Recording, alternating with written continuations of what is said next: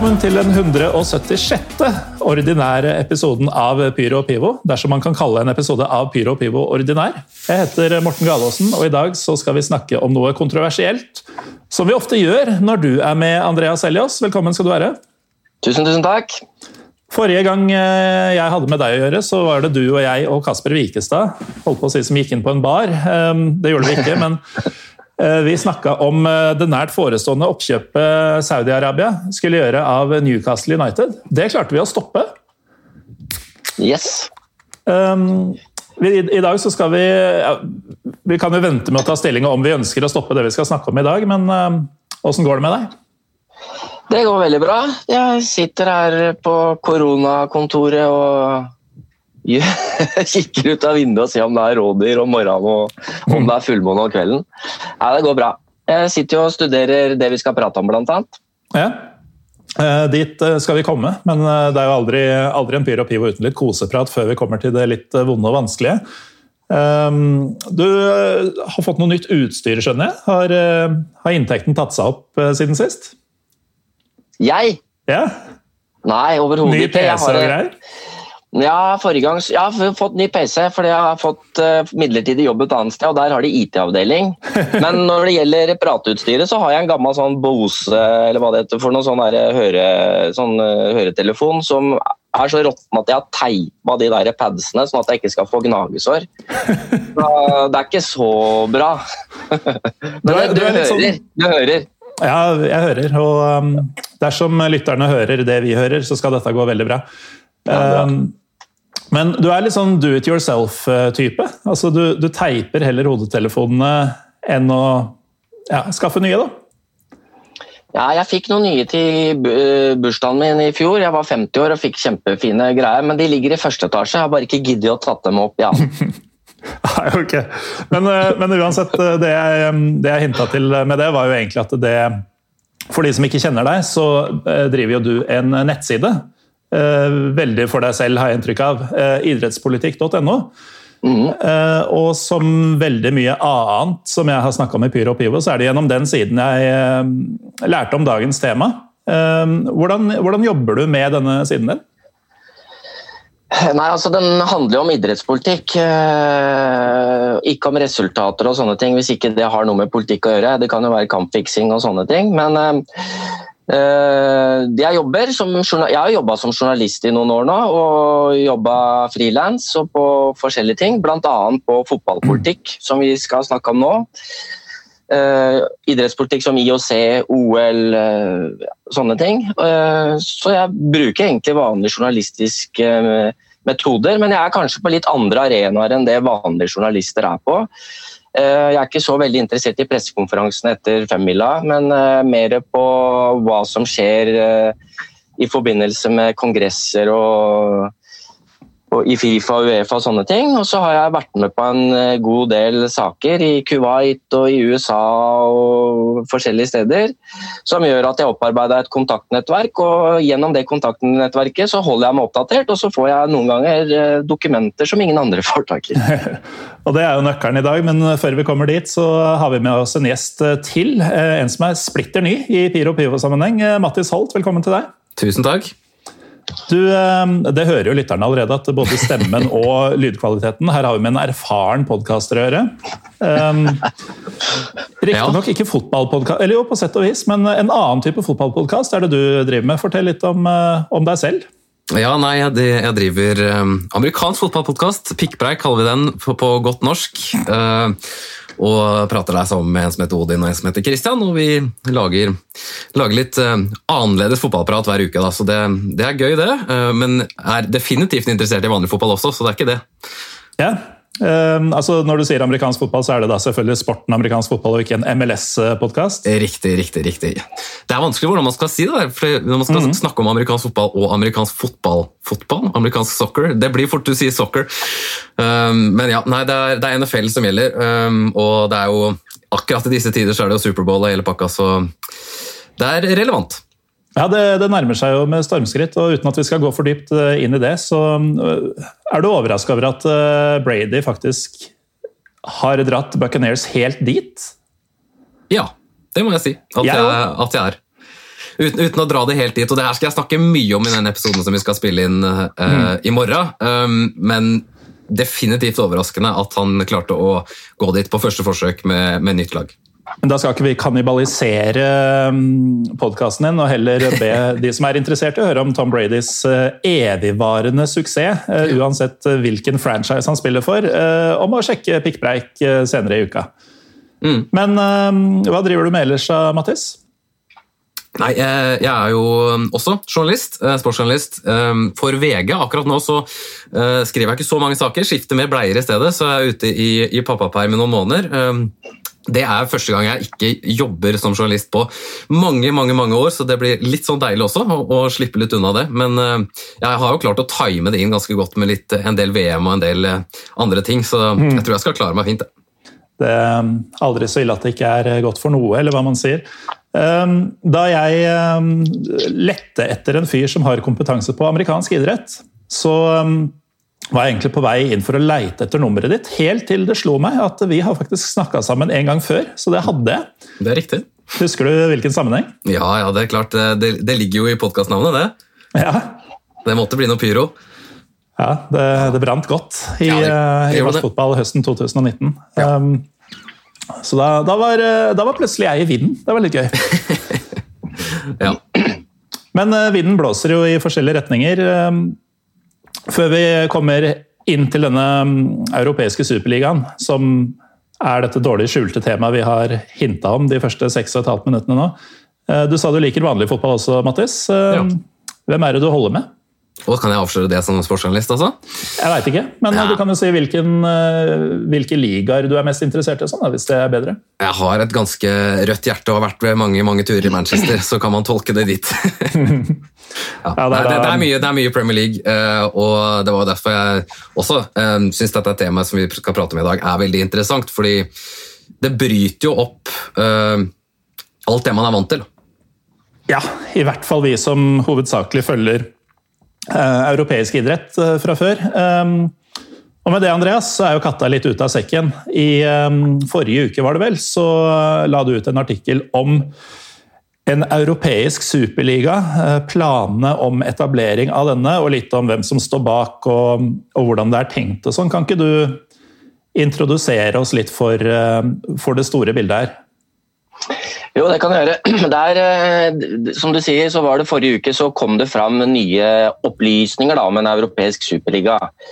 Eh, og det ble dukket opp et dokument eh, der planene for denne nye superligaen, europeiske superligaen er eh, mye mer detaljert enn det man har hørt tidligere. Da. Og Det dokumentet fikk jeg tak i. Det var, eh, var ikke så veldig mange som hadde det utgangspunktet. Jeg tror det er spredd litt mer rundt nå. men det var da The Times i, England, eh, i London, og så var det New York Times, og så var det idrettspolitikk.no som, som, hadde det dokumentet først, tror jeg. Uh, tanken om en europeisk superliga er jo ikke ny. Altså, den uh, oppsto jo i 1998, tror jeg, sånn cirka, der det begynte de rikeste klubbene og mestvinnende klubbene i Europa eh, begynte å presse på for å lage en superliga fordi de ikke var fornøyd med inntektene de fikk av Champions League, som hadde foregått noen år. Eh, og så Etter hvert så ble den gruppa kalt for G14-landene og etter hvert G18-landene. Eh, og Da var navnet på det prosjektet de hadde, var Europeisk superliga. Så den mm. ideen der om å om at europeiske storklubber skal liksom lage sin egen liga, den har egentlig en ganske lang historie. Eh, så har det da, eh, har det da et, eh, og En av de tingene som skjedde når de starta dette presset, her, det var jo at man utvida fra det altså Først så het det jo serievinnercupen, og da var det bare serievinnerne som var med. og Så mm. lagde man Champions League, og så kom dette presset fra G14, G18-lagene, som gjorde at man tillot flere lag fra hver nasjon å komme med, for, som, på, på som et kompromiss. da. Sånn at man unngikk en utbryterliga. Ja, Hvis jeg husker riktig, så var det vel først eh, altså Det var noen utvalgte ligaer som kunne ha med to eh, klubber. At det var nummer én og nummer to i f.eks. England og Spania som fikk være med. At det ikke var en så grov bastardisering av champions-begrepet i Champions League eh, som det etter hvert skulle bli. Men jeg husker allerede da at det var en del sånne romantikere som syntes at dette var helt meningsløst. fordi det heter jo Mesterligaen, det heter Champions League, eh, serievinnercupen, hva du enn vil kalle det. Så er det snakk om mestere, og nå var det plutselig åpent for ikke-mestere. Mm. Det at den snøballen rulla ukontrollert, det er vel kanskje ikke noe stort sjokk sånn nå? Nei, altså dette, jo, dette dreier seg om penger. ikke sant? Altså det er hvem De rikeste klubbene som hadde vunnet mest, de ønska å bli enda rikere og vinne mer. Og da var det veldig brysomt å ha Rosenborg og andre lag, sånne småtasser som kom liksom og yppa seg. Det var ikke noe hyggelig.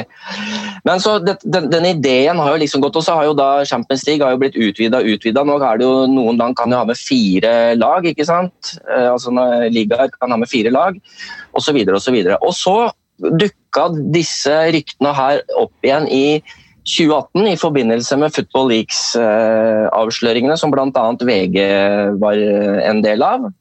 Eh, det skrev masse saker om dette her.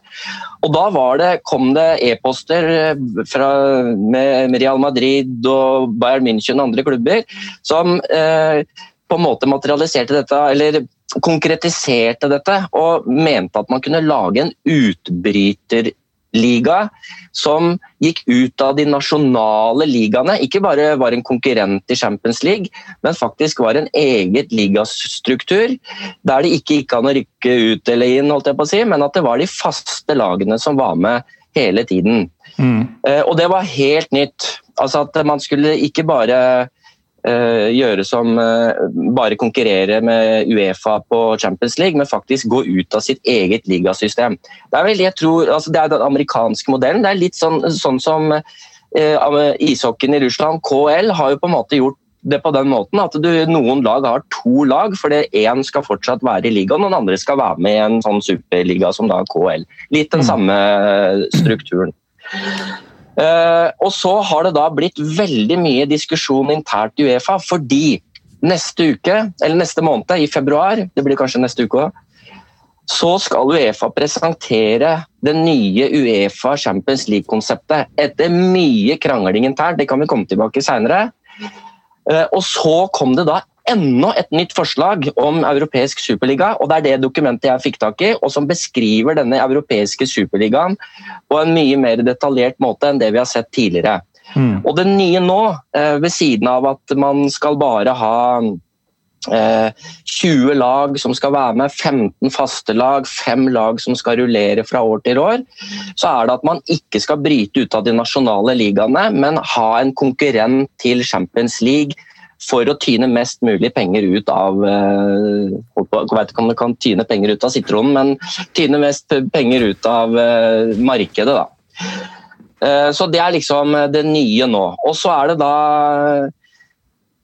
det forslaget som kommer, og så kommer det en pressemelding fra Fifa, Uefa, KAF, AFC, alle de regionale forbundene, som sier at alle de spillerne som er med på det ikke klubbene, men spillerne som deltar i det prosjektet der og spiller den turneringa, de får aldri spille EM, VM og sånn mer.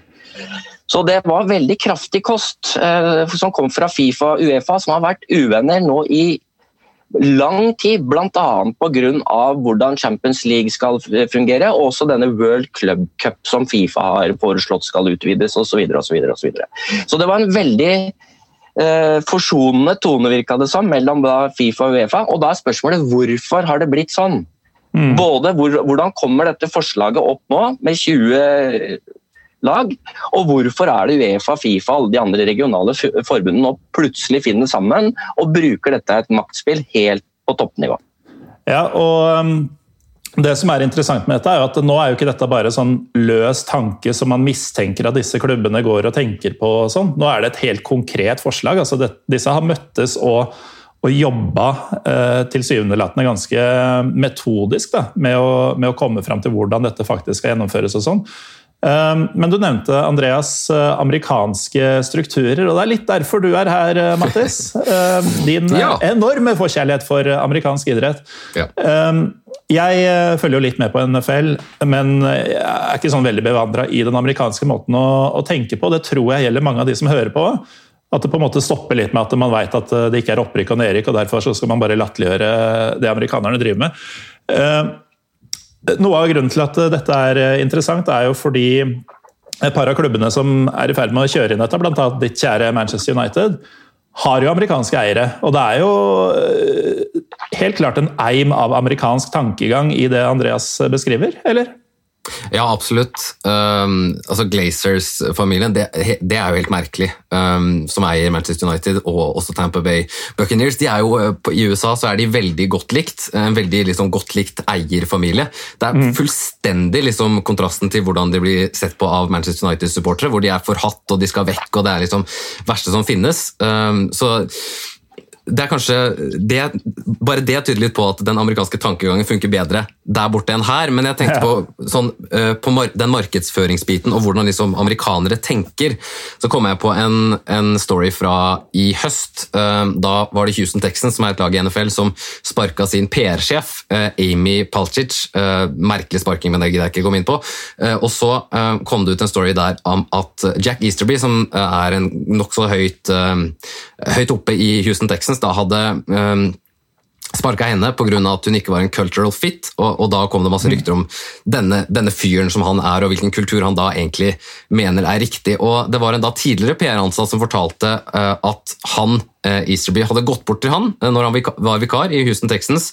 Um, de tror de lå under en kamp, spurte rett ut hvordan skal vi gjøre den klubben her mer populær. Hvordan skal vi få folk tilbake på tribunen?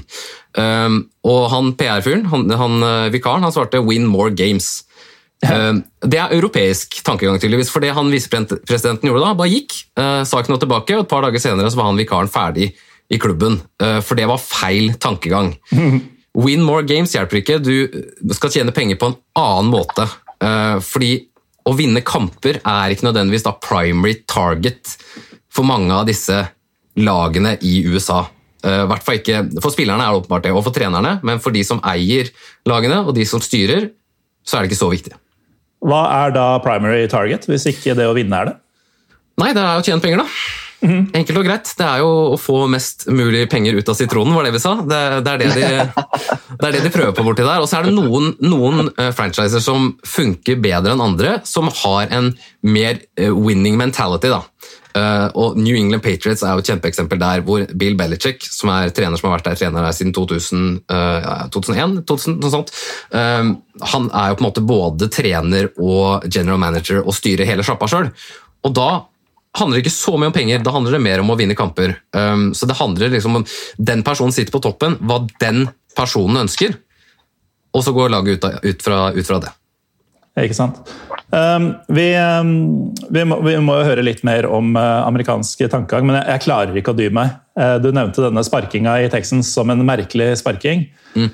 er vel ikke den eneste merkelige avgjørelsen derfra siste ja, par åra? Nei. Det, det, er, det, er, jo Jeg vet ikke om det er noe hemmelighet heller, men det er da egentlig mitt lag i NFL, og det har vært grusomt. Uh, det siste, par, det siste året egentlig har vært en tornado av en sesong hvor alt har bare gått til helvete. Enkelt og greit. Ja, og det visste jo du og, og dine kompanjonger i podkasten lenge lenge før sesongen gikk i gang, at ja, dette her altså, blir katastrofe? Det, det, jeg la vel egentlig opp som eh, supporter for det laget pga. ting som skjedde i fjor høst, nei, fjor uh, vår. Uh, mm. Og så har de jo bare balla på seg. Uh, med da, de sparka hovedtreneren, men endte jo da med at han der Jack Easterby som jeg nevnte i stad, bare fikk mer og mer makt. Hvis, hvis, folk ser på Game of Thrones, tenk på han som Littlefinger. Han, han klatrer den stigen og ja, det er omtrent akkurat riktig person å tenke på. Så Det er den type personer som plutselig kan ta over klubber i, i USA, i NFL, som jeg ikke tror hadde vært mulig da f.eks. i Premier League. Mm. Men uh, den amerikanske greia, altså det, En stor greie er tydeligvis at det er uh, penger og business foran trofeer, uh, som på en måte er en veldig utbredt tankegang. Um, det, hvilken sammenheng har det med for dette som vi i Europa syns er helt sprøtt? Dette med at du ikke kan rykke ned, f.eks.? Nei, det er jo, øh, Jeg vil jo nesten se på det som en fordel, egentlig, men det er åpenbart en sammenheng. For når et lag ikke kan rykke ned, så vil du åpenbart ha mer stabil økonomi. Eh, det er jo et par norske budsjettansvarlige som hadde vel, likt veldig godt eh, konseptet å ikke kunne rykke ned eh, når de setter opp sine budsjetter, for der er det et par som har gått på en smell. og Det er, liksom, det er jo ikke mulig da, å gå på den smellen i NFL eller i NHL eller i MLS eller hva det skal være. fordi du vet at har du en dårlig sesong, så er det i verste fall så prøver vi igjen neste år. I verste fall, altså det, det, går ikke an å rykke ned et, et, nivå. I verste fall kan du kanskje bli flytta til en annen by, men du er fortsatt i samme liga. Så mm. økonomisk sett, for klubbene, så er det jo en stor fordel med et sånt system. Men det gjør jo også for den som står utenfor, for fansen, så er det jo øh, Altså, det er jo kjedelig. Enkelt og greit. Uh, når sesongen ruller og går og laget ditt er nederst i Premier League så, eller i Tippeligaen eller Eliteserien heter det nå, uh, så, så, er det jo der, der spenningen ligger. Hvem som rykker ned, uh, hvem som holder seg. Det er spenning til siste dag. Det er ofte der det er skikkelig, skikkelig moro å følge med mot slutten av sesongen. Slik er det ikke i USA. og det er der mye av det det er der mye av det ryker, da, mye av, mye av fansen til, til, de dårligere lagene de faller fra pga. at det ikke er noe å spille for. Nei, ikke sant. Um, Andreas, det var jo um, egentlig din idé å ha med en, uh, en, person som kunne fortelle litt mer om den amerikanske tankegangen. Um, hva, hva, er dine tanker om det Mattis uh, har fortalt her? Nei, altså, Det er jo veldig viktig å, å det, ene er, det, ene er, modellen, den, den, europeiske mot den amerikanske modellen, som vi, vi har hørt om nå. Og så er det jo det at det kommer amerikanske eiere blant annet, da, inn i fotballen, særlig England. Eh, eh, Liverpool, Manchester United. Eh, Arsenal var det vel en periode også amerikanske eiere. Det er sikkert flere som jeg ikke har oversikt over nå. Men de har en helt annen tankegang om hva, hvorfor de skal eie en klubb, enn f.eks. en russisk oligark eller en sjeik fra Emiratene. Altså, det er helt andre drivkrefter, og det er mye mer kommersiell tankegang. da. Uh, og det er liksom Den superligaen er på mange måter um, født av den ideen, men så har den liksom ikke fått uh, fått fotfeste i Europa. Som jeg sa, det er jo I februar så er det jo, skal Uefa avgjøre det nye Champions League-konseptet. Eh, for nå, jo, nå restrukturerer de kalenderen fra 2024. Den starter så smått neste år, eller i år faktisk. Jeg har, litt, har ikke helt fått med at det har vært nyttårsaften. uh, med den nye Conference League, som er på en måte den tredje nivået av europacuper. Og fra 2024 så skal hele europacupsystemet gjøres om. Og i den forbindelse, og der er det det Conference League er da en del av det som heter nå Europa League 2. Eller kommer til å hete det, kanskje. Eh, og der er Champions League-debatten det er en del av den omstruktureringa. Og det har eh, vært veldig mange krefter inne i bildet her for å skru til. Det ene er de der G14, G18, som da på en måte tapte kampen om å få sin egen liga, men vant ved at eh, de viktigste landene fikk flere land, lag med i ligaene. Men det G18-gruppa det ble etter hvert til en organisasjon som heter European Club Association, der presidenten Juventus, Agnelli, er president. Eh, den var da, det var jo da G14, G18, og nå ble det, ble det 100 klubb, det er, og det er klubber som er medlem. Og nå er det oppe i 256 klubber. Eh, Rosenborg er med, Odds ballklubb ble medlem i fjor, som er med i den organisasjonen der. Og Det som har skjedd i den organisasjonen, der er at det har blitt en maktkamp internt. Fordi Agnelli, med de sterke kreftene som kom inn fra G18, de har da prøvd å overkjøre alle de andre medlemsklubbene og kommet med et forslag i utgangspunktet som ligner på den amerikanske modellen, sånn som vi var inne på i stad. Eh, de foreslo nå for, ikke, ja, for halvannet eller to år siden at Champions League skulle være et system med fire avdelinger der de fem øverste, eh, altså de som kom på de fem øverste plassene i hver avdeling, var automatisk kvalifisert til neste års Champions League. Mm. Eh, eh, sjette- og sjuendeplassen kunne spille kvalifisering om å fortsatt være med, og åttendeplassen måtte spille mot europaligalag for å se om de kunne holde seg. Eller de røyket, sånn at det var liksom fire plasser ledig for å rykke inn i Champions League fra, fra ett år til neste. Og De plasseringene de da oppretta da, de hadde ingenting å gjøre med hvordan de gjorde, det, gjorde det i nasjonale ligaer. Og Det er jo et amerikansk system med litt sånn ett lag som rykker ut og inn. Litt tweaking, men ganske likt, ja. ja. Og det, det, det, da, det, har da møtt utrolig store protester eh, internt, fordi at flere og flere lag har blitt medlemmer av denne European Club Association. Og så er det også Agnelli altså I den kampen om Champions League eh, så har det også eh, har det kommet fram, eller har de bestemt at klubbene skal ha representanter i Uefa-styret. Vil Si at Agnelli, som er leder for den tidligere G18-gruppa, nå European Club Association, han er en av to eksterne medlemmer som ikke er valgt, men som er plukka ut av klubbene. Han, og så er det da Kaleifi, som er da presidenten i PSG, som er inne i så mange korrupsjonssaker for tida at han tror ikke han har så mye annet å gjøre enn å bare betale penger til advokatene sine. De to sitter da internt der, PSG og Juventus, som representerer da de store klubbene, for å påvirke Uefa-styret til å gjøre det de mener er riktig. Men så har det da oppstått eh, problemer, bl.a. fordi at Ajax og FC København og, og, sånne klubber som det har ment at dette her var et jæskla dårlig forslag, fordi de aldri får muligheten til å komme inn i Champions League. Så det De gjorde, de, de, var, de, de foreslo et annet system, et sånt helt annet ytterpunkt, eh, som de kalte for The Copenhagen Access Model som da er en modell som baserte seg på koeffisienter. Altså, eh, du må vise til tidligere europeisk cupspill eh, før du kan kvalifisere deg til Champions League. Og I tillegg så må du ha, også ha gjort det bra i nasjonale ligaer. Og Den koeffisienten den skulle hindre f.eks. at uh, Leicester for eksempel, de er automatisk kvalifisert siden de vant ligaen, men hvis det hadde kommet opp en klubb som Norwich eller en klubb, klubber som ikke har gjort det noe bra de siste 30-40 åra, plutselig får en tredjeplass i Premier League, så skal ikke de ha muligheten til å kvalifisere seg til Champions League bare pga. E, det ene året. De må på en måte vise til en form for uh, historie med at de har gjort det bra over lang tid før de kommer inn i Champions League. Det var et, et, et forslag som de gjorde.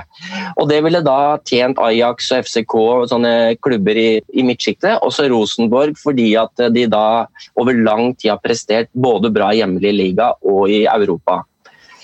Uh, og det det selvfølgelig gikk de jo ikke med på. Så eh, Det er den klikken internt. Men så har det også noe som heter European Leagues, som er på mange måter fagforeninga for alle uh, ligaene. Altså Norsk toppfotball for eksempel, er medlem i European Leagues. og Sånn som alle andre ligastrukturer er med, så har, har de en egen interesseorganisasjon. Og Der var det også veldig mange små land som mente at det første forslaget om at du aldri kommer inn, var helt håpløst. Uh, og, da, uh, og da norsk toppfotball for eksempel, da var protesterte mot den, den, modellen som gjorde at ingen kunne komme inn og ut. Og Her er det da mange som river og tar og sånne ting. Og så det de man tror han har kommet fram til nå, det er en såkalt sveitsisk modell. så ikke københavnermodellen og ikke Nei, nå, nå er det Sveits? Det er en sveitsisk modell. Jeg tror det er Ajax som faktisk har vært den som har drevet fram denne. Men den sveitsiske modellen det, det, dreier seg om at det er 32 eh, eller 36 lag. Eller i hvert fall jeg tror det er 32 lag. Og så plukker man ut sånn at man spiller ti kamper mot helt vilkårlige lag. Ikke vilkårlige, det er basert på et seedingssystem. Men at du, det ikke er noe sånn seriestruktur, eh, gruppespill og sånne ting. Man bare spiller ti kamper, fem hjemme og fem borte. Og så, man, eh, så summerer man sammen poengene, og så er det de 16 øverste lagene går videre til gruppespillet nei, til eh, sluttspillet. Og så er det da de som eh, kommer i semifinale, er garantert uh, å komme videre til Champions League neste år. Og Det ligner kanskje litt på en amerikansk versjon igjen, for der er det jo ofte sånn at man har divisjoner, og så spiller man litt i de andre ligaene og sånne ting. Men det er den Jeg skulle til å som... si det. det. Det høres Noe av dette låt veldig kjent, vel, Mattis? Ja, på en måte. Så er det veldig kjent, men på en annen måte så er det jo ikke helt, uh, helt sammenlignbart heller, pga. at de, de, deler opp uh, disse, denne ligaen i så voldsomt mange divisjoner og avdelinger. Da. Nå vet ikke jeg helt med, var det sånn at det, altså de, Skal de dele opp i, i, conferences her, eller er det liksom en hel liga? Nei, det er liksom én gruppe, men at du deler opp uh, Først er det seeding som avgjør hvilke lag som spiller mot hverandre. Hvert lag skal spille ti kamper, og når alle har spilt ti kamper, så, skal, uh, så rangerer man uh, de 16 beste lagene, og så går de ut i cupspill. Mm. Og da er det sånn at det som kom på 16.-plass, møter det som kom på førsteplass osv. Ja, og det er jo helt likt med, med ja. hvordan de gjør det i USA. Ja, så det er på mange måter det Nå har ikke jeg sett noe sluttpapirer på det, og det tror jeg ikke så mange har, men det er den modellen som det går rykter om nå, som kommer til å bli det nye Champions League. Og det som, når den, når det, den er satt, så vil de restrukturere hele europacupstrukturen ved at de har 32 lag. Eh, det er diskutert om det er 36 lag også, jeg vet ikke helt hvordan de skal få til det. Og så er det 32 lag i Champions League, 32 i Europaligaen. Fra 48 i dag, altså det blir færre plasser i Europaligaen. Og så er det 64 plasser i den Conference League. Og Det betyr at det er da norske lag, hvis den strukturen kommer inn nå, og det ikke er noe koeffisientsystem, og sånne ting, så vil det være mye mye vanskeligere for norske lag å komme inn i det Europaligaen og Champions League, men ha sjanse til å, å komme i den på nivå tre. Da. Så det er liksom det, det som er uh, det er sånn Europacupen er framover. Og den, sånn har det kommet fram pga. det maktspillet som eh, jeg snakka litt om. Hvordan det blir til og hvem som har innflytelse. Og Det som er litt spesielt her, nå er vi inne på amerikanske eiere igjen, det er at Liverpool og Manchester United har vært drivkreftene, vært med på alt dette her hele tiden. Fra tidenes morgen. Eh, vi har jo, hvis jeg kan snakke litt på utpust til Det hadde jo et forslag sånn. Eh, ja, eh, For noen uker siden så var det også et, et, helt nytt forslag som het Project Big Picture, som dreide seg om helt omstrukturering av engelsk fotball. Og Det var sånn koronagreie. At det var mange klubber som tapte penger. og da De rikeste og største klubbene de så sitt snitt nå til at vet du, nå slår vi til, så får vi mer makt i den, eh, den eh, engelske ligastrukturen. Og Da var det Liverpool og Manchester United som sto i bresjen for det. Uh, og De sa til og med at de hadde med seg Tottenham, og Chelsea og Manchester City og andre klubber, men ingen av de andre klubbene hadde skrevet under på. Dette var et produkt som Liverpool og Manchester United hadde, eller eierne, da, hadde uh, kokt sammen. Og Det dreide seg bl.a. om å kutte ut to lag i Premier League. Eh, det ene laget som skulle rykke ut, skulle spille kvalik mot et lag i championship. Eh, eh, man skulle kutte ut ligacupen. Ja, forskjellige ting. Og i tillegg at klubbene skulle få rettigheter til å selge sju eller åtte egne kamper i løpet av året. Sånn de skulle, og det, liksom, det tjener de største klubbene på uansett. Og Det var Liverpool-eierne og Manchester United-eierne som sto i bresjen for. Så det er liksom Du har da klubber som kommer fra land der liksom opprykk og nedrykk har liksom vært eh, en del av genmaterialet, til å få eiere som faktisk jobber steinhardt for å på en måte ødelegge det systemet som er, eh, som er i Europa. Da. Mm. Det virker i hvert fall sånn. ja, det, det, er jo da Glazers-familien og så er det Fenway Sports Group vel, som er eierne til, til, Liverpool. Uh, og Det er jo interessant at begge de på en måte har uh, hatt nylig suksess i USA. Uh, og liksom er, ha, ha, De har fått den der, det her funker for oss, det her systemet i USA funker for oss, med, med Boston Red Sox som har vant World Series i 2018, vel, og så uh, Tampa Bay Buccaneers som er i Superbowl nå.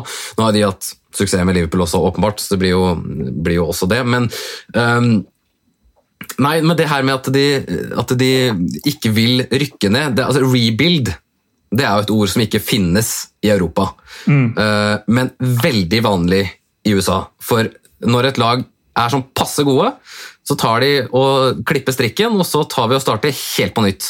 Uh, og da, selv om de aldri sier det utad, så er det jo det tap med vilje tanking. Eh, det er jo også et begrep som går igjen hvert år. Eh, fordi du ikke kan rykke ned, da er det fordel å komme sist, for da kan du drafte øverst. Det her konseptet eh, det er jo her det faller fra hverandre. Fordi den draften den er jo veldig essensiell i det å skulle bygge opp på nytt uten å rykke ned. Fordi kan du kjapt forklare hva en draft er? Eh, ja, Mattis? En draft er da at det dårligste laget uh, Det her går jo veldig dypt ned i, i, sånn det funker i USA, at de henter spillere fra college. Mm. Og i, i, NHL så er det jo også fra, fra Europa, da, fordi det er mange europeiske gode hockeyspillere også. Men det er jo da det dårligste laget. For, forrige sesong får velge først, og så er det som du står i skolegården i sjette klasse. Du velger lag, ehm, og sånn så jevnes det da ut over tid ved at de dårligste får de beste spillerne, og sånn går det fra sesong til sesong. Og så gjør det da at eh, alle kan slå alle, basically. Eh, og det er jo sikkert det, selv om det er litt merkelig, at eh, Liverpool og Manchester United-eierne vil at alle skal kunne slå alle, så jeg tror ikke de vil helt dit heller. Ja, for det er her det faller sammen, sier du? Ja, jeg syns det er litt sånn uh, at de vil ta den ideen til England, eller til Europa i det hele tatt, funker ikke uten alle de her konseptene. Lønnstak, um, draft, trading altså Alle de her konseptene som bare kommer til å funke i en lukka liga som NFL, uh, eh, mm. er det eneste som, som, gjør det til en fordel å ikke kunne rykke ned da, eller ta med liksom det, det, til Premier League. Så jeg forstår ikke helt hva de vil ha ut av det, med mindre de vil lukke hele Premier League og gjøre det om til NFL. Eller hele denne superligaen, da. Jeg synes det, er ja, altså, det, ja, det er et veldig godt spørsmål. for det, som, det, er en, det er noe som på mange måter er litt det er, det er sånn som du sier, det er vanskelig å skjønne. fordi at men det, det, som kan være tilfellet, er jo at de kan bruke sånne prosjekter eller forslag som pressmiddel for å oppnå noe annet. Ja. Uh, og det, Jeg er konspiratorisk, og jeg tror jo alt ondt om særlig Liverpool, siden jeg holder med Everton. Og det går an å tro ondt om mange, også på andre, andre grunner. Men det kan jo hende at de forslagene kommer opp, og de som kommer med de forslagene vet at det ikke blir gjennomført, men at det blir, del, det blir et argument i debatten som gjør at de faktisk greier å få omgjort fordeling av TV-inntekter, Eh, sånne ting som gjør seg godt på bunnlinja til de lagene uansett. Da. Sånn at Det kan hende at det er et urealistiske prosjekter. Det, det gjelder både det europeiske superligaprosjektet og dra lag ut av eh, Bayern München skal ut av Bundesliga, liksom, eller Midan ut av den italienske ligaen, eller Liverpool ut av Premier League. Det høres jo helt ko-ko ut. Det er, det er, liksom vanskelig å tro, da. Men det er nå de som eierne der som er med på de dokumentene og grunnlagsdokumentene, så liksom, hvorfor gjør de det? Og Da kan det jo være at det er et pressmiddel for å få mer penger av den kaka som er der. Og det koronagreiene nå har jo gjort det enda mer eh, åpenlyst. For det der Big Project Big Picture, der var jo avlatshandel. Der ville jo de rikeste klubbene betale 4 milliarder kroner i sånne koronastøtte til de klubbene nedover i systemet, og visste at de kom til å få oppslutning, for de er av penga. Og så står det nederst i dokumentet hvem som skal ha makt seinere på TV-inntekter og forhandlinger og alt sånt. Det er jo bare de seks største klubbene. Sånn at eh, det er noe som foregår her som eh, Altså Motivene er ganske klare, men løsningene er litt rare. Da. Men det der med drafting Brexit har jo gjort at eh, overgangsmarkedet i England har blitt helt annerledes. For nå mm. må jo alle arbeidstillatelse. Eh, og Det gjør jo at det kommer til å bli mye mer resirkulering av spillere internt på de britiske øyer enn det det har vært tidligere. Fordi at veldig mange av de spillerne som man vanligvis kunne få inn på sånne korte kontrakter, de får dem ikke inn fordi FA har oppretta et sånt poengsystem der du må ha mer enn 15 poeng for å kunne få arbeidstillatelse i England, hvis ikke da du får eh, unntak av forskjellige grunner.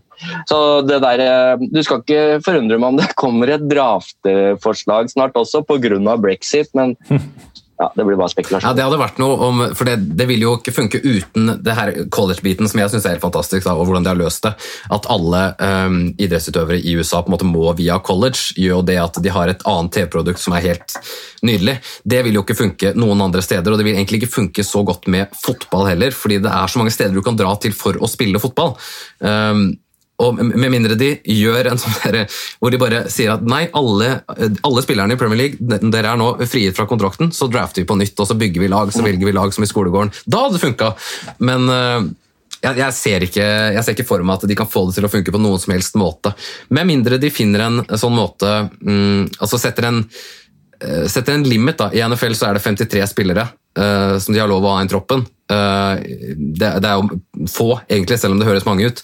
Hvis de setter en limit på at dere har lov til å ha 18 spillere i troppen i Premier League, og de som plutselig da blir kutta, da, per definisjon, at de kan da liksom bli drafta, det er jo en mulighet. Køtta altså fjerna fra laget, får ikke være med lenger. Frier. Ja, fri, fristilt. Ja. Uh, jeg jeg syns det er en god del sånn herlige lag med ironi i hele det, den problematikken, eller uh, hele den saken her. og det, Hvis vi skal gå litt historisk til verks, så er det jo denne G14-gjengen som du nevnte i stad, Andreas. Det er jo da, det letteste for folk er kanskje bare å google G14 Football Clubs, men Eh, det var jo da 14 av de eh, mest suksessrike gutta i gata da, eh, rundt årtusenskiftet som danna denne koalisjonen, hvor de skulle rett og slett sørge for at nå er det vi som gjelder, og sånn skal det forbli. Vi skal ha en så stor del av kaka som mulig, vi skal ha så mye makt som mulig. Og Det er jo en del sånn usual suspects her. altså det er ikke Real Madrid er med Manchester United, er med Juventus er med PSG, Bayern München. Men så ser du da at noen som har vært med på å skape det monsteret som vi nå sitter og snakker om i dag, som er i ferd med å i hvert fall har planer om å endevende fotballen som vi kjenner den, det er jo sånn PSV Eindhoven, Porto er med der. Um, Ajax Marseille, stakkar, som uh, nesten skal være glad de får lov å være i, uh, i league A, sånn som de har holdt på de siste 30 åra.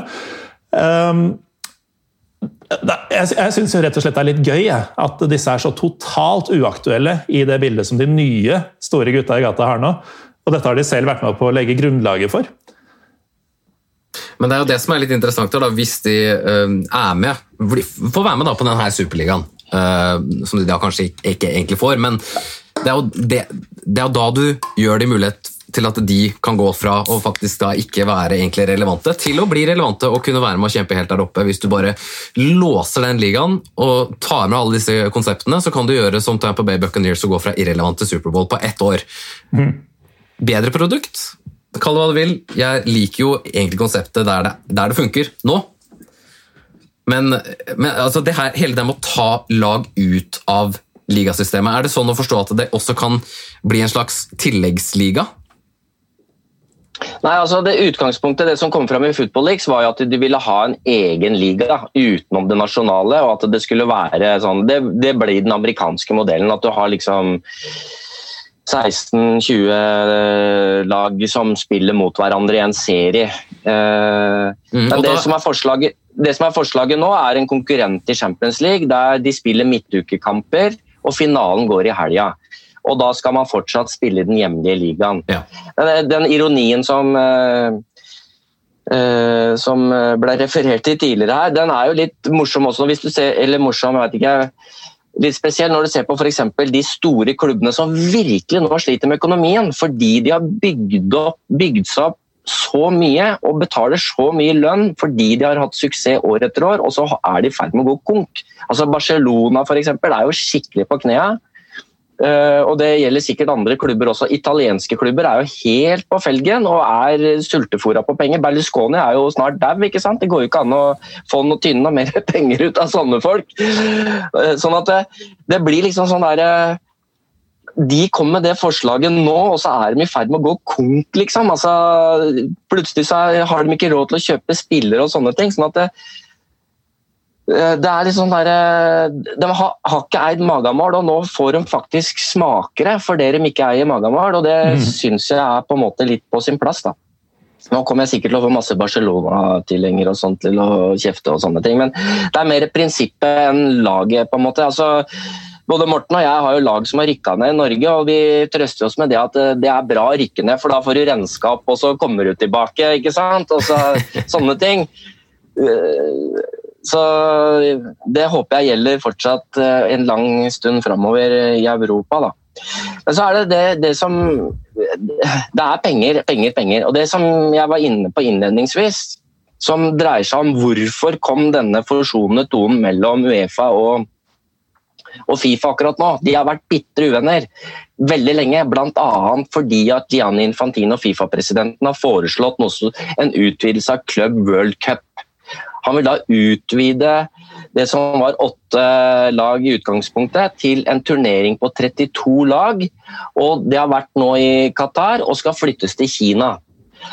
Eh, og dette var det, Vi vet ikke om vi var inne på det forrige gang jeg var i Pyro og Pivo, men da, var det jo da Saudi-Arabia som har stått bak dette prosjektet til for Infantino og spytta inn haugevis med penger for å få innflytelse i Fifa. Og det Fifa ønska, var å få lag fra Europa til å være med i den uh, cupen, og det har Uefa nekta. Eh, fordi at de mener at det kommer til å ikke være plass på kalenderen til både å være med på en sånn stor turnering. Det skal foregå om sommeren, men det kommer til å slite ut spillerne. Og at det kommer til å gå utover Uefa-cup og fotball-EM og, og, sånne ting. Så de har vært bitre, bitre uvenner om det. Og så kommer det med dette forsonende pressemeldinga nå at ingen får lov til eh, å spille EM eller VM hvis dere er med på denne superligaen. Og Det som kan ha skjedd, da, det er jo at Uefa har gått med på at noen av de lagene som nå sliter med penger, de kan få være med på en utvida Club World Cup eh, mot at Fifa støtter Uefa på at det ikke er lov å opprette en sånn superligaturnering i Europa. Det, det, er veldig mye som tyder på det. Men bottom line her er at klubbene internt presser på så mye for å få mest mulig penger ut av det her.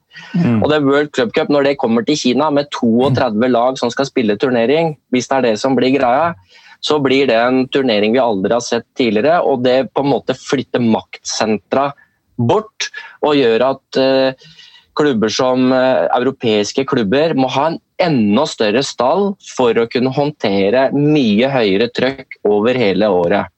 Og Da får du overgangsdiskusjoner og er det for mange lag i hjemlig liga? Vi trenger en altså, det, Du får hele den diskusjonen der på nytt. Sånn at Den debatten som på en måte er lagt død nå med europeisk superliga, den får vi tilbake ved at du kanskje snakker om en World Club Cup superliga isteden om et par år. Mm. Det er sjelden jeg er enig med Uefa, men uh, altså som om, det, som om, det, ikke var nok, som om det ikke var nok irrelevante oppgjør i det der såkalte VM for klubblag fra før, når du har sånn type åtte lag med. Altså Når Beef Wellington fra Australia skal møte Real Madrid, nei, fra New Zealand mener jeg, skal møte Real Madrid i sånn kvartfinale bare fordi man trenger en kvartfinale. Det er så dust. Bare... Men her så vil jeg jo anta at du da drar inn kanskje litt mer relevante lag, da. Uh, bedre lag.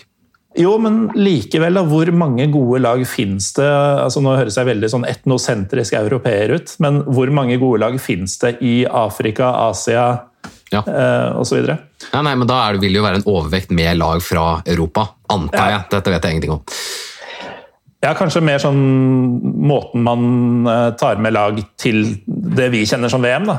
At ja. det er flest fra Europa, en god del fra Sør-Amerika, og så er det litt sånn ymse resten. Mm. Ja, og så er det, jeg tror ideologien, altså Det ene er at hvis Kina arrangerer det, så vil det være kinesiske lag med. ikke sant? At Det er på en måte å bygge opp fotballen der. Og jeg tror at litt av ideen er motsatt av det vi tenker her. For Det som vi tenker i Europa, det er at du spiller deg fram til en finale. Du har en pyramide med mange lag, og så blir det færre og færre opp på toppen. Mens i veldig mange andre deler av verden så er det bare topplag. Sånn at det de har lyst til å gjøre, og det er kanskje veldig få, sånn at det de har lyst til å gjøre med sånne turneringer, i hvert fall det som er ideen eller det de sier, da, det er at man kan bruke den begivenheten til å skape fotball, altså en større fotballkultur i de landene fordi de blir mer eksponert. og Så får man se at afrikanske lag gjør det bra. Det er flere, og så greier de å bygge nedover på den måten. Da, fordi de får så mye penger at de kan bygge nedover. Så det, det, er liksom det de sier, men jeg vet ikke om det er det som kommer til å skje. Så, og Fifa har jo tillatt at man lager sånne afrikansk superliga i Afrika, som er helt identisk nesten med den modellen som var i Europa, men der er det jo ikke noen konkurrenter. Altså, det er ikke noe, Nei, på samme måte. Nei. Så da er det ikke så farlig lenger. Så nei, Det er utrolig komplekst. Men veldig mye av det her nå har fått mye mer spalteplass i mediene og i eteren fordi det har vært korona. Oh, ja? Ja, både fordi at det er fordi at veldig mange av de initiativene her får ny seil i vinden pga. korona. Altså at det, man, det er det er sånn window of opportunity, føler mange. Og Samtidig så er det jo ikke så mye kamper og fotball lenger, så journalister som vanligvis måtte sitte og, og, skrive kampreferater, de må faktisk lese pressemeldinger om sånne ting, eller eh, bruke sånne nyheter. Og Det syns jeg er bra, da, at dette kommer opp i dagen, og at vi faktisk sitter her og diskuterer de problemstillingene her. For jeg mener at dette her er liv eller død. Eh, om ikke det er liv eller død, så er det i hvert fall at det er eh, eh, vi snakker om at man kan endre seg fra noe, noe, vi har hatt, til noe helt annet som vi aldri har sett før. ikke sant? Og Det, det syns jeg vi skal diskutere. Men når du sier 'window of opportunity'. altså Tenker du da, det litt du nevnte i stad om klubber som sliter økonomisk, og sånn, at det er på en måte mye lettere å selge inn disse radikale ideene i det klimaet som er i dag pga. korona, bortfall av inntekter og sånn? Ja, det vil jeg si. Altså Uh, ja, altså Det med mer penger, altså det superligagreiene, det skulle jo garantere 300 millioner uh, nei, altså 3 milliarder kroner til hver klubb som var med liksom, i året. Det er veldig mye penger, og hvis det da er klubber som sliter, så vil du jo få hvert fall oppmerksomhet om det. Og da er det sånn at Selv om den turneringa ikke blir noe av, så kan det godt hende at det gjør at pressmiddelet internt i Uefa gjør at de vil få de pengene uansett. ikke sant? Mm. Sånn det, og det der eh, big, eh, Project Big Picture i, i, Premier League var jo koronatiltak. Ble fremsatt som det, og så vises at det er en, en maktkamp. Så har vi jo da, jeg vet ikke om vi skal diskutere VAR her, det kan vi jo bruke kanskje andre fora til, men altså, sånn som Serie A f.eks. De har jo nå, pga. dårlige inntekter og korona, så har jo de nå til åpna opp for at eh, man skal kunne bruke VAR-pausene til, om ikke reklamepauser i utgangspunktet, så i hvert fall som et vindu der man kan presentere sponsorer og, og sånne ting. Og Det er jo første gang i Europa. Og det er også en amerikansk idé veldig mye, vil jeg si. Så til For det man Men jeg vil, jeg vil påstå at det er en helt åpenbar vei å gå da, når du først skal bruke VAR. Ja, og det er sånn som jeg ikke liker, men det, jeg ser jo at det er det som kommer til å skje. Og jeg tror også at det har vært en del av ideen, men man har ikke tørt å si det, for da har man ikke greid å gjennomføre det. Når snøballen først har begynt å rulle, så er det lett å innføre det. Serie A blir det første. Mm. Nei, så jeg, jeg, er forvar fordi jeg har sett på idrett med, som har brukt uh, repriseteknologi uh, og sånn lenge, lenge, lenge uansett. Uh, og det der med det, det, at de setter på reklame Du er ødelagt. Ja, ja, det kan du godt si. Men det at, de setter, det at når, når, de setter til reklamen, og det her er jo mer moderne um, nå da med sosiale medier, men når de setter til reklame, så går det på Twitter. Alle diskuterer. Er det her incomplete? Er det her, er det her en touchdown? Og så går diskusjonen på Twitter, og så blir det liksom et mye større produkt i, sosiale medier. da. Eh, når, for det her med at det tar tid, det er jo en greie av fotballfans. Å, det tar så lang tid. Bruk, altså, man bruker det på å diskutere. Det er jo sånn Når jeg sitter på jobb og det er noe, er noe var, så er jo hele redaksjonen og tenker at nei, det er hens, det er ikke hens. og det er liksom, Diskusjonen går. da. Jeg syns at det gjør det faktisk mye mer spennende, og jo lengre det går, jo mer spennende er det faktisk å finne ut hva det blir ut av det. Ja, Da må jeg ta dissens, altså. fordi ja. det som er greia her nå da, Vi skal ikke ta den VAR-debatten, for blir, da blir det bare ufint. Nei, vi må ta noe av det, for jeg har også litt å si jo, her. Altså. Men det som er litt av greia, det, er, det ene er TV-tittinga. For det som er VAR, er at det blir mye mer enn TV-idrett. Ja. Det er det ene. Det andre er at du, Jeg har vært på amerikansk idrett, altså basketball, NFL og baseball og sånne ting. Og Der kan man jo ikke reise opp og juble, for man sitter jo faen meg med hendene fulle av pizza og kylling og to liter øl. Sånn at jeg skjønner at man ikke trenger å hoppe i stolen og juble, for da søler man på seg sjæl. Altså, men altså den derre at man skal bruke lang tid. Man må stole på dommeren. Han gjør feil, han kan få hett, sette på litt, og så er vi ferdig med det. Det må være sånn. Altså, må, må, spillerne gjør alt de kan for å jukse, og så skal liksom vi hjelpe dommeren. Altså, nei, dommeren må få lov til å bestemme. Ja, det er, det er spot on det med, det med fatet fullt av mat og øl eh, i USA, Andreas. Men eh, det du sa, Mattis, altså nummer én at det tar lang tid. De som bruker det som hovedargument imot, de, de har ikke forstått uh, diskusjonen. De kan bare gå videre, egentlig. Okay.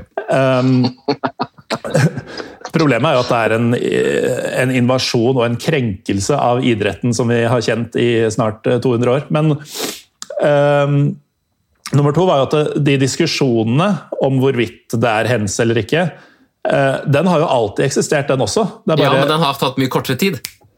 Ja, Den ble jo diskutert i ettertid eh, også, fordi her skulle det vært hens. Nei, det skulle det ikke vært, osv. Og, da er det irrelevant, for da har det skjedd. Men kan du diskutere det i de tre minuttene fram til du faktisk får vite om det er straffe, så bygger den spenninga seg opp, og så er det straffespark i VM-finalen, og så blir det Frankrike som vinner. Uh, yeah. Nei, dette, dette er ikke noe hyggelig. Men uh, hvis vi, altså, ting henger jo sammen, selvfølgelig. Det er ikke irrelevant å ta inn var i dette. her også. Du kan ikke invitere vi... USA i studio uten at jeg kan være litt, litt for var. Jeg, jeg angrer uh, bittert. ja, men du kan jo være for var i amerikansk fotball og mot i soccer. Ja, man kan være hyggelig. Det, det, er det beste jeg vet. Nei, men Det er jo noen idretter som det passer bedre til enn andre. Det kan jeg være med på. Ja da. Men i mm. ja, Ikke sant? Men uansett, tilbake til Nå høres jeg ut som en sånn der eh, sentrumsdemokrat. Alt er greit, men ingenting er greit. Um, tilbake til det vi egentlig prater om. Da. Vi, vi har jo sittet her en time, og uh, jeg har vel ikke Jeg har blitt litt klokere, men jeg er først og fremst svimmel. Um, hva, hva, tror dere Kan du begynne med deg, Andreas, som på en måte har den største tyngden her. Um, denne ideen om en uh, superliga uh, er det grunn til å tro at det kan skje? Jeg tror ikke at den skjer nå. Jeg tror at uh, ideen kommer til å leve videre. Uh, og jeg tror det, den amerikanske tilnærminga til det også kommer til å få mer og mer innpass. fordi jeg tror at flere og flere investorer som har lyst til å tjene penger, kommer inn i fotballen. Det er ikke bare det at amerikanerne kommer hit og kjøper klubber og eier eh, et lag i masse idretter, men det er også europeiske investorer som investerer penger i veldig mange klubber for å utveksle spillere og sånne ting. Mm. Og de har også et økonomisk motiv. Og da vil det Du ser jo, All statistikk viser at det er de rikeste lagene blir rikere. og Uh, og, så og de, de rikeste lagene vinner flest titler. Og da blir det slitsomt å spille en cupkamp på dårlig kunstgress her og, og, dårlig gress der. Og da vil den, den, vil leve, den diskusjonen vil leve. Så om vi får en superliga som er foreslått her, eller om du får et Champions League som ligner på den, på den det er en av de modellene som jeg sa, der det er veldig vanskelig å rykke ut. Eh, det tror jeg Diskusjonen kommer til å være der, og jeg tror at vi kommer til å nærme oss det systemet. Spørsmålet er hva skjer med dem under? Hva, mhm. kommer det til å bli et opprør? Kommer det til å bli et alternativ til Uefa? Kommer det til å bli en alternativ Husk på når Glazer tok over Manchester United. Ole Gunnar Solskjær slutta jo å like sin egen klubb. ikke sant? Syns jo ikke dette var noe gøy. Og nå er han ansatt av dem. Og da var det jo klubber som eh, ble oppretta på nytt. liksom. Altså Supportere starta sin egen Manchester-klubb og sånne ting.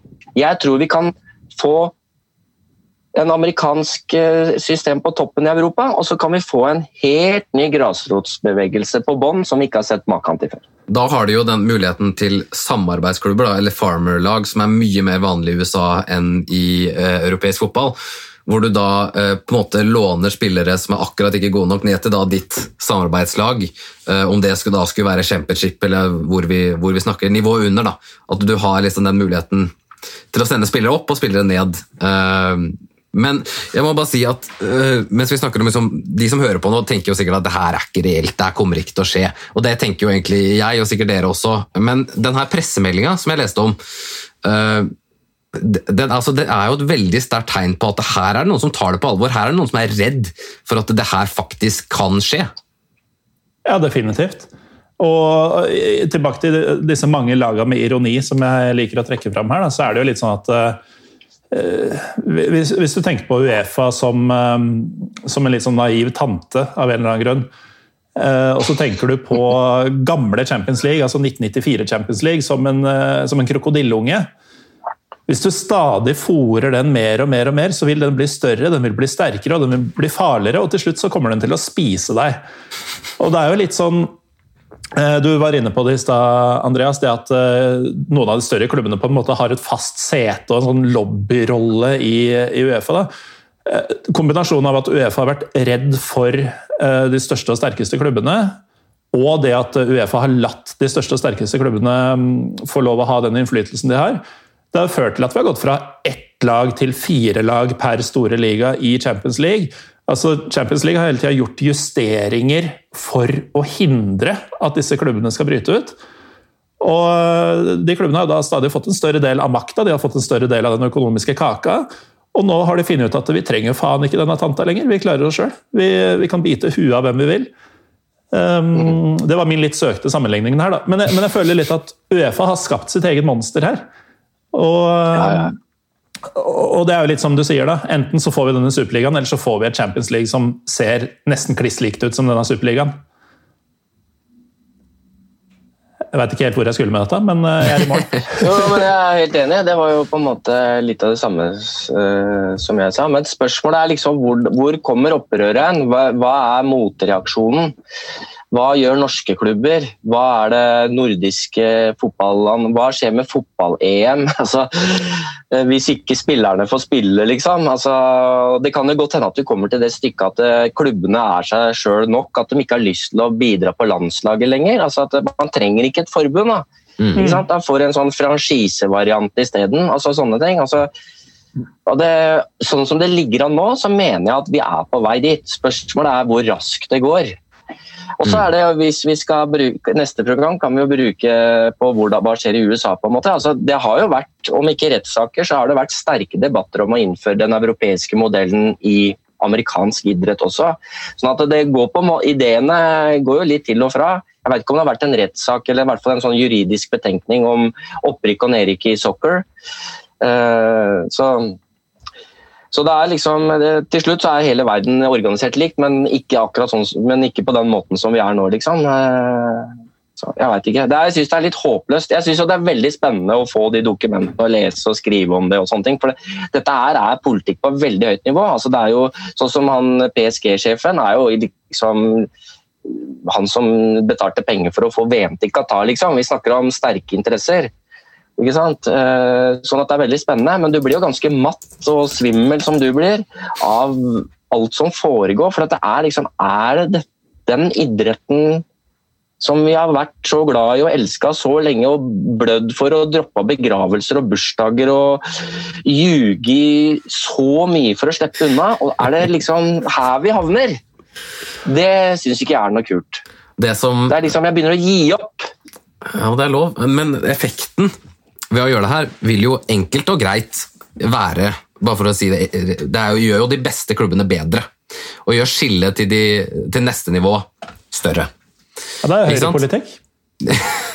ja, enkelt og greit. Eh, men en måte å unngå det på er jo lønnstak. Jeg vet ikke hva liksom deres tanker om, om, det er, om det er veien å gå. Å tvinge Manchester United til å uh, kvitte seg med spillere, da, fordi uh, nå, har, nå, gir dere for mye penger i lønn. Nå kan ikke dere hente Zlatan. Det går ikke. Uh, for det, det, da går dere over capen. Uh, og Det er jo både fordeler og ulemper ved det systemet, men sånn som pengemaskineriet skyter til værs i europeisk fotball og fotball generelt, så, så, er det jo Jeg mener jo det er veien å gå. Jeg mener jo det er grunnen til at amerikansk idrett uh, er mer spennende å se på.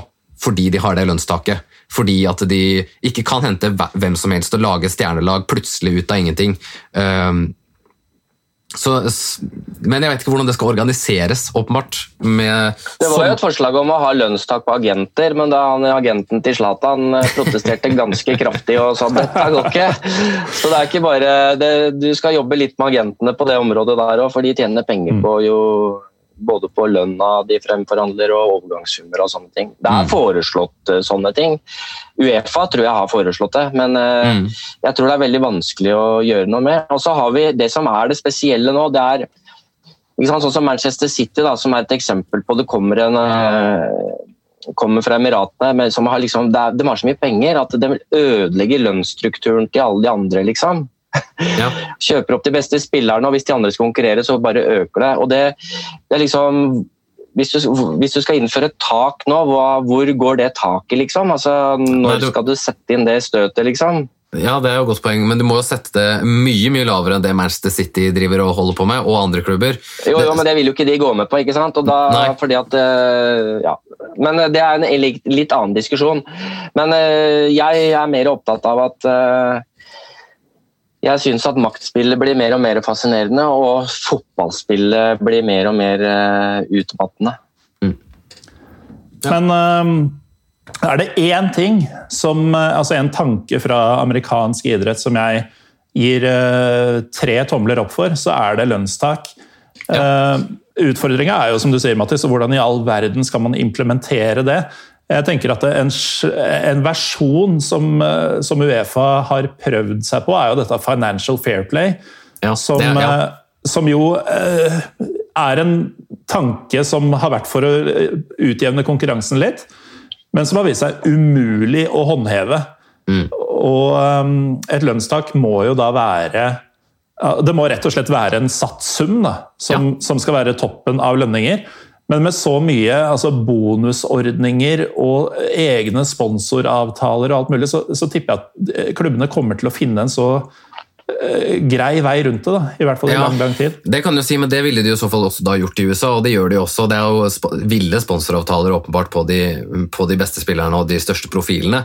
Så de tjener jo mer enn en capen uh, egentlig er, men uh, det gjør jo ikke at uh, at Tampa Bay Buccaneers da kan gå fra å vinne sju kamper i fjor til å være Superbowl i år.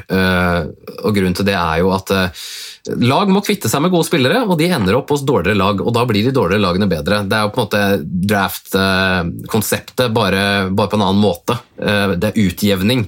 Men det er jo altså det er jo ulemper her. fordi Si at det hadde vært et lønnstak eh, i Premier League nå. Da Da blir du jo du blir straffa. Det det er, det jeg ikke liker med det. Du blir straffa for å finne disse juvelene, disse ukjente spillerne.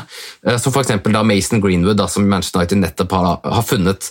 Eh, og som i NFL ville krevd en ny kontrakt fordi han har spilt en såpass god, god sesong. Og det har jo ikke da Manchester United råd til å gi han. Da må de liksom velge mellom å enten beholde juvelen, den unge, eller kaste Bruno Fernandes på dør. Um, og Det er jo det som river i hjertet som fan, da, at du mister de der um, sensasjonene. De der som kommer ut av ingenting. De, de, det er liksom for å bruke begrepet golddigger, da, det, du er liksom der du slår gjennom. Det er ikke der du blir. Du forsvinner igjen til neste lag, og det er ulempa. Men bortsett fra det, så er jo lønnstak veien å gå, tenker jeg. Det var sånn Laton Orient tenkte når de mista David Beckham. Vet du, når han var 14. ja. Akkurat sånn. Men uh, hvis vi skal ta en liten sånn uh, roundup, da. Nå har vi, nå vi snakka litt om hva dette er, og hvorvidt det kommer til å bli, uh, bli tilfellet. Hvis, hvis en Europa eller en superliga sånn som den er beskrevet i dette dokumentet, som man kan lese en veldig god beskrivelse på din side, Andreas, idrettspolitikk.no. Hvis den skulle implementeres, hvis det blir hvis det blir tilfelle. Hva, hva syns vi? Mattis, du slår meg som den mest pragmatiske av oss, så du kan godt uh, få lov å komme med din dom. Jeg liker alt nytt, jeg. Ja, egentlig. Alle, nye ideer, ny teknologi, nye ting. Det er gøy å se på i ja, et par måneder, og så blir man lei, og så blir man tilbake til det gamle. Så jeg, jeg er både jeg kaller det pragmatisk og nostalgisk, så det er en sånn merkelig behandling.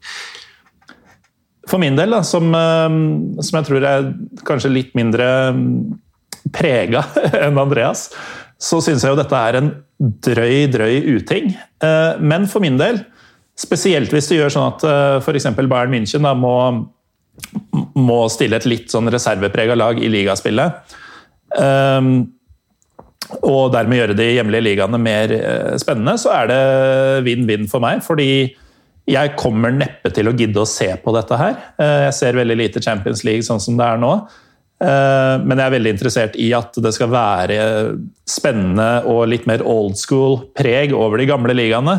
Eller de hjemlige ligaene. Og det tipper jeg at man kanskje kan få mer av. da. Hvis en sånn liga hvor de største klubbene kommer til å satse liv og remmer på den, og ikke fullt så mye på hjemlig liga. Um, at den si, mer hverdagslige fotballen blir fetere. Men uh, like fullt, det, det, er ikke verdt det. altså. Vi kan ikke la dem holde på sånn her. Andreas?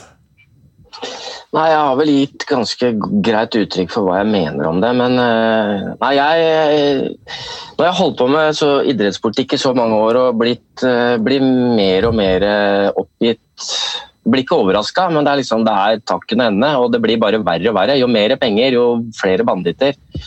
Så jeg liksom syns ikke fotball er noe morsomt lenger på det nivået. Altså, det, er, eh, det er sånn som jeg fatter'n holder med Laton Orient. Eh, vi drar og ser på Laton Orient mot Maidenhead, liksom. Det er kjempegøy. 2000 på kamp, og er ingen som Alle driter i var. Det er liksom om buljongen er varm eller kald som teller.